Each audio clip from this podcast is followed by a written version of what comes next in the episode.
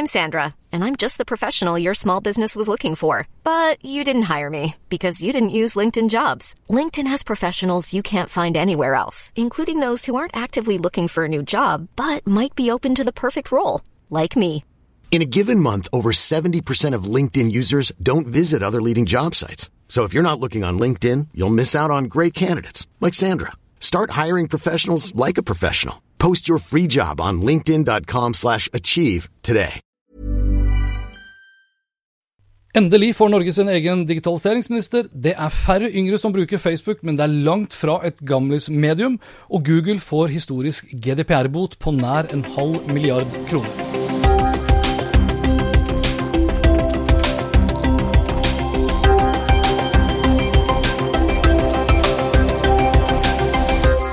Hans Petter og co. er podkasten for deg som vil forstå hvordan teknologi påvirker og endrer måten vi driver business på i en stadig mer globalisert, urbanisert og digitalisert verden. Jeg heter Hans Petter, og denne episoden ble spilt inn tirsdag 22.1.2019.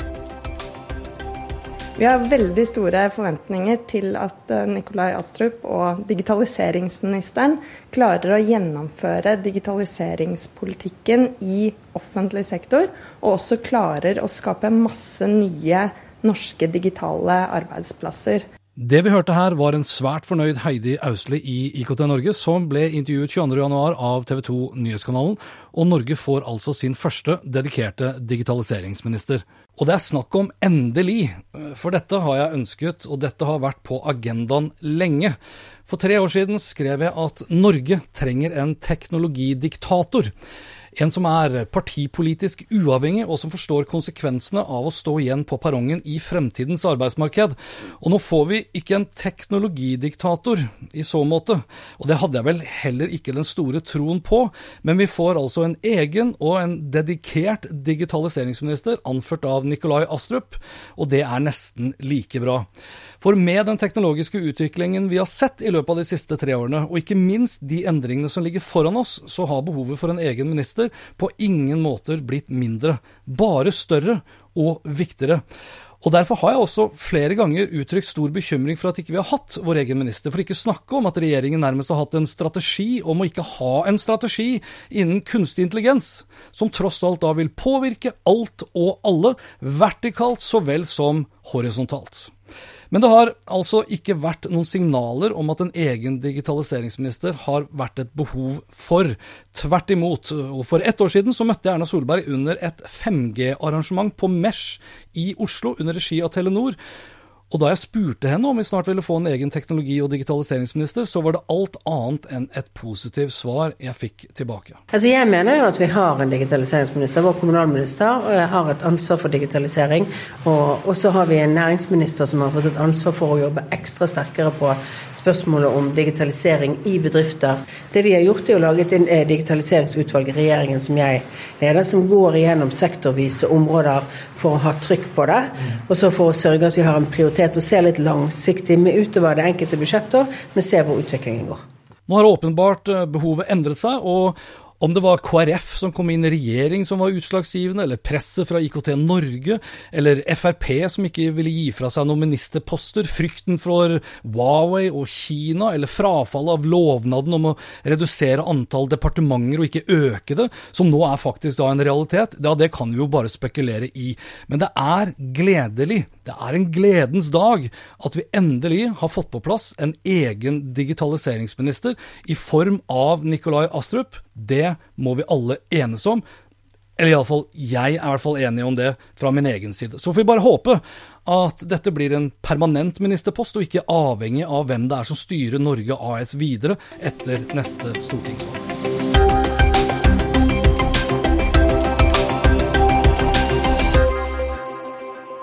Som navnet Hans Petter og co. tilsier, så skal jeg ha gjester på besøk.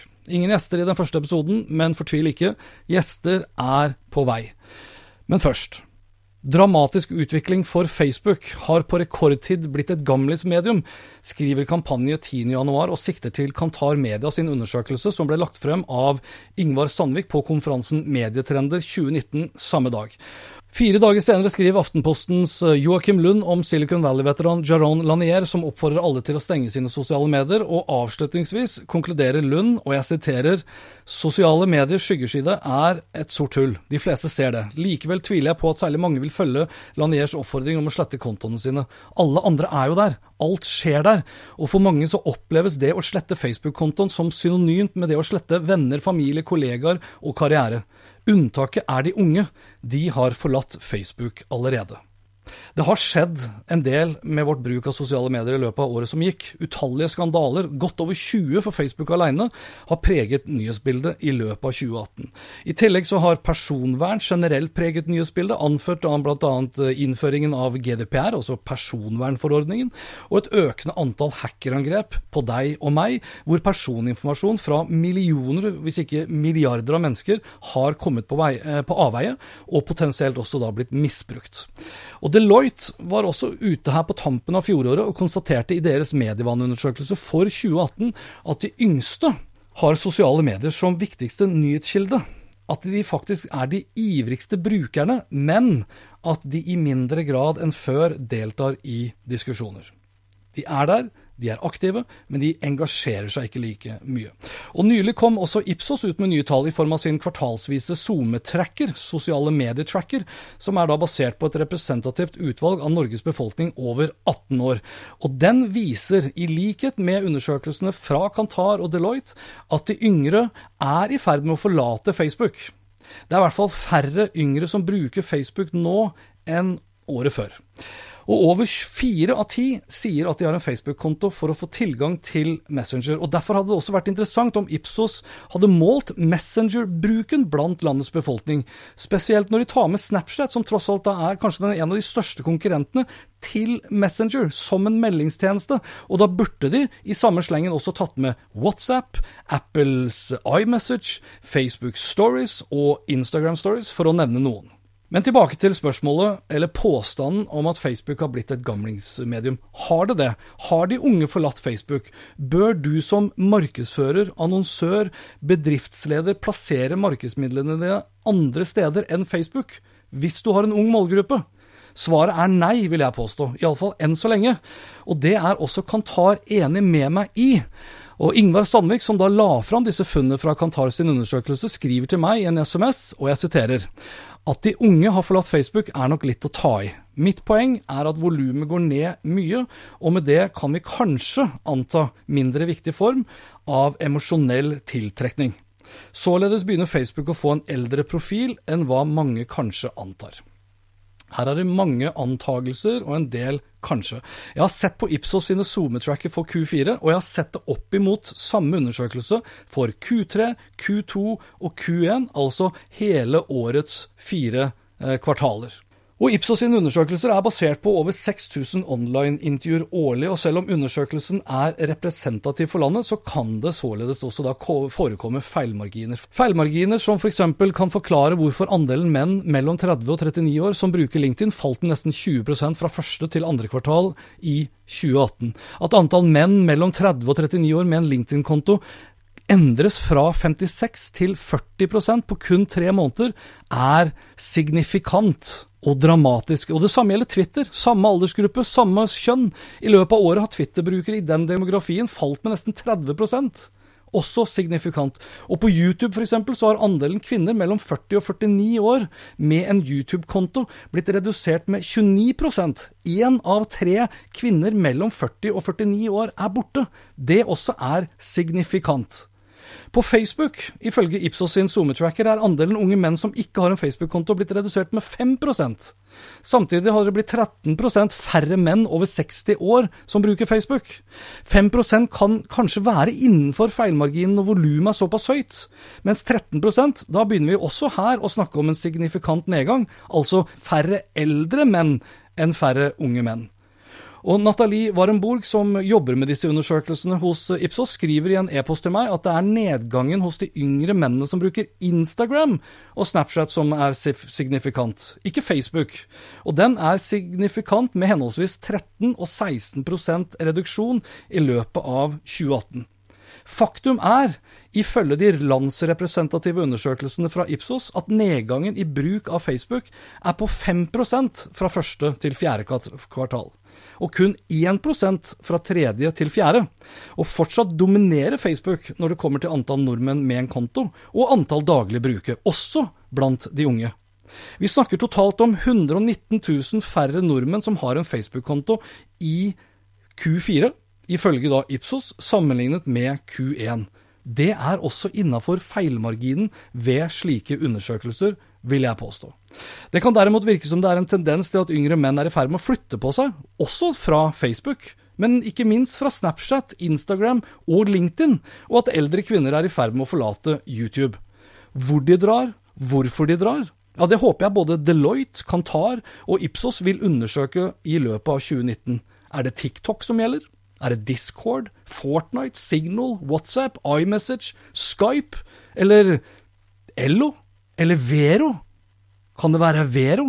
Og inntil da, inntil vi vet mer om hvor de har blitt av, kanskje de bare har gått ut for å stå på ski i skauen til og med, så er det i hvert fall ingenting som tyder på at det er rett å konkludere med at de unge har forlatt Facebook, og at giganten har på rekordtid blitt et gamlis-medium.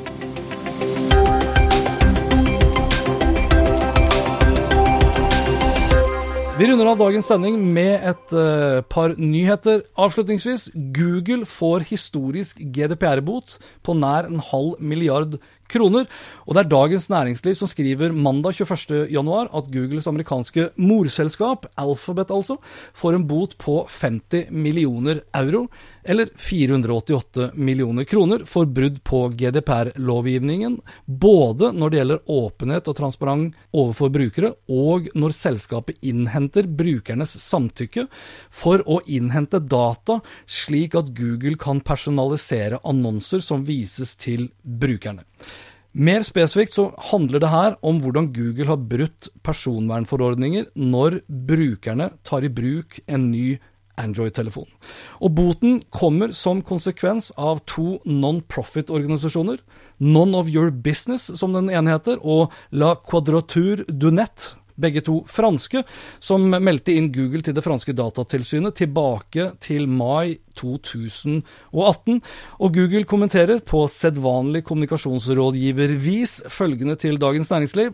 Folk forventer en høy grad av innsyn og kontrollverktøy fra oss. Vi tar dette på dypt alvor, og jobber for å innfri disse forventningene og GDPRs krav til samtykke. Vi studerer nå denne beslutningen for å avgjøre hva vårt neste steg blir.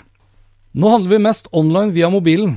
Skal vi tro en fersk undersøkelse fra Salesforce, så handler vi altså da på verdensbasis for første gang nå mer fra mobiltelefonen enn via datamaskinen. Mobilen står nå for 48% av handelen, mot datamaskiner som sto da for 44% og det gjør mobilen til den foretrukne måten å handle på nett, og jeg gjentar, på verdensbasis. De butikkene som solgte mest i fjor, var Amazon, Walmart, Etsy og eBay, og trafikken fra sosiale medier mot netthandel økte i fjor med 22 hvor hovedandelen på 93% av trafikken kommer fra Facebook og Facebook-eide Instagram. Tar vi med noen nordiske tall fra Salesforce-undersøkelsen, så konkluderer de med at folk gjør unna mesteparten av julehandelen tidligst mulig. Greit, det gjør ikke jeg. Globalt økte netthandelen som tilbyr gratis frakt. 80% av bestillingene var med gratis frakt, mens i Norden så er vi faktisk litt motsatt. Her sank andelen mest merkbart i uke 43, med en nedgang på 10% Mobilbestillinger økte med 66% i uken før jul og 52% i romjulen. Jeg gjentar, nå handler vi mest online via mobilen. Mobilen viktigst altså der også.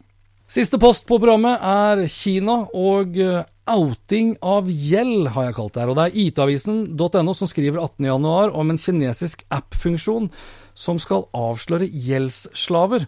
Og mange av oss er nok kjent med Kinas sitt eh, social credit score, som etter planen skal implementeres innen 2020.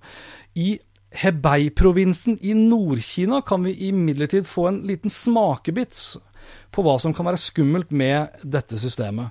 Og I denne provinsen her så har de allerede begynt å teste ut noe nytt i WeChat-appen. Og det her er et ledd i å få innbyggerne til å være gode borgere. Så nå innfører de altså da en funksjon som gir oversikt over personer som har gjeld, og det skriver da China Daily. Funksjonen kalles noe sånt som, eh, og det er IT-avisen som skriver et kart for gjeldsslaver. Og viser da hvem som skylder penger innenfor en radius på 500 meter fra der du befinner deg. Målet er å gjøre det enda mer skamfullt å ha gjeld, og på den måten da motivere folk til å betale for seg. Det her er helt utrolig. Og samtidig, da, i Norge, så er jo forbrukslån, som skaper gjeldsslaver, et av de dyreste søkeordene og det er en bransje i sterk vekst. Bank Norwegian, f.eks., som er en av kongene når det kommer til å skape nye gjeldsslaver, de kjøper jo ikke bare sine egne søkeord og betaler dyre dommer for de, men de kjøper også konkurrentene. Og det helt innafor lovens rammer. Og hva er det Bank Norwegian reklamerer for, som du kan bruke forbrukslånet ditt? Jo, det er selvsagt da reise til Dubai, hvor du da flyr med Norwegian. Det var det. Takk for at du hørte på. Håper vi høres igjen om en uke, med eller uten gjest. Og liker du det du hørte, og vil forsikre deg om at du får med deg de neste episodene, vel, da vet du hva du skal gjøre. Da abonnerer du på Hans Petter og Co. på bl.a. Apple Podcaster. Jeg er på podkastene hvor du hører på podkast. Inntil da, vær nysgjerrig. Det er den beste måten å møte vår digitale fremtid på.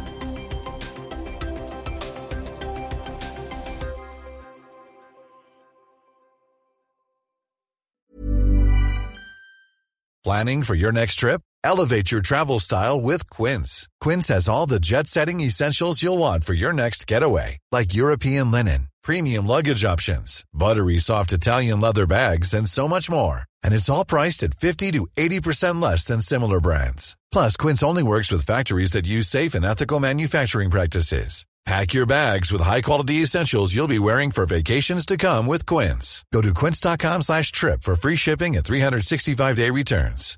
My business used to be weighed down by the complexities of in-person payments. Then, Tap to Pay on iPhone and Stripe came along and changed everything. With Tap to Pay on iPhone and Stripe, I streamlined my payment process effortlessly. Now I can accept in-person, contactless payments right from my iPhone. No extra hardware required. What's truly remarkable is how I can cater to all of my customers' payment preferences. Whether they're using cards, Apple Pay, or other digital wallets, Tap to Pay on iPhone and Stripe ensure a smooth checkout experience every time. And it's not just me. Stripe helps businesses of all sizes, from local markets to global retailers, scale quickly and stay agile. To learn how Tap to Pay on iPhone and Stripe can help grow your revenue and reach, Visit stripe.com slash tap iPhone.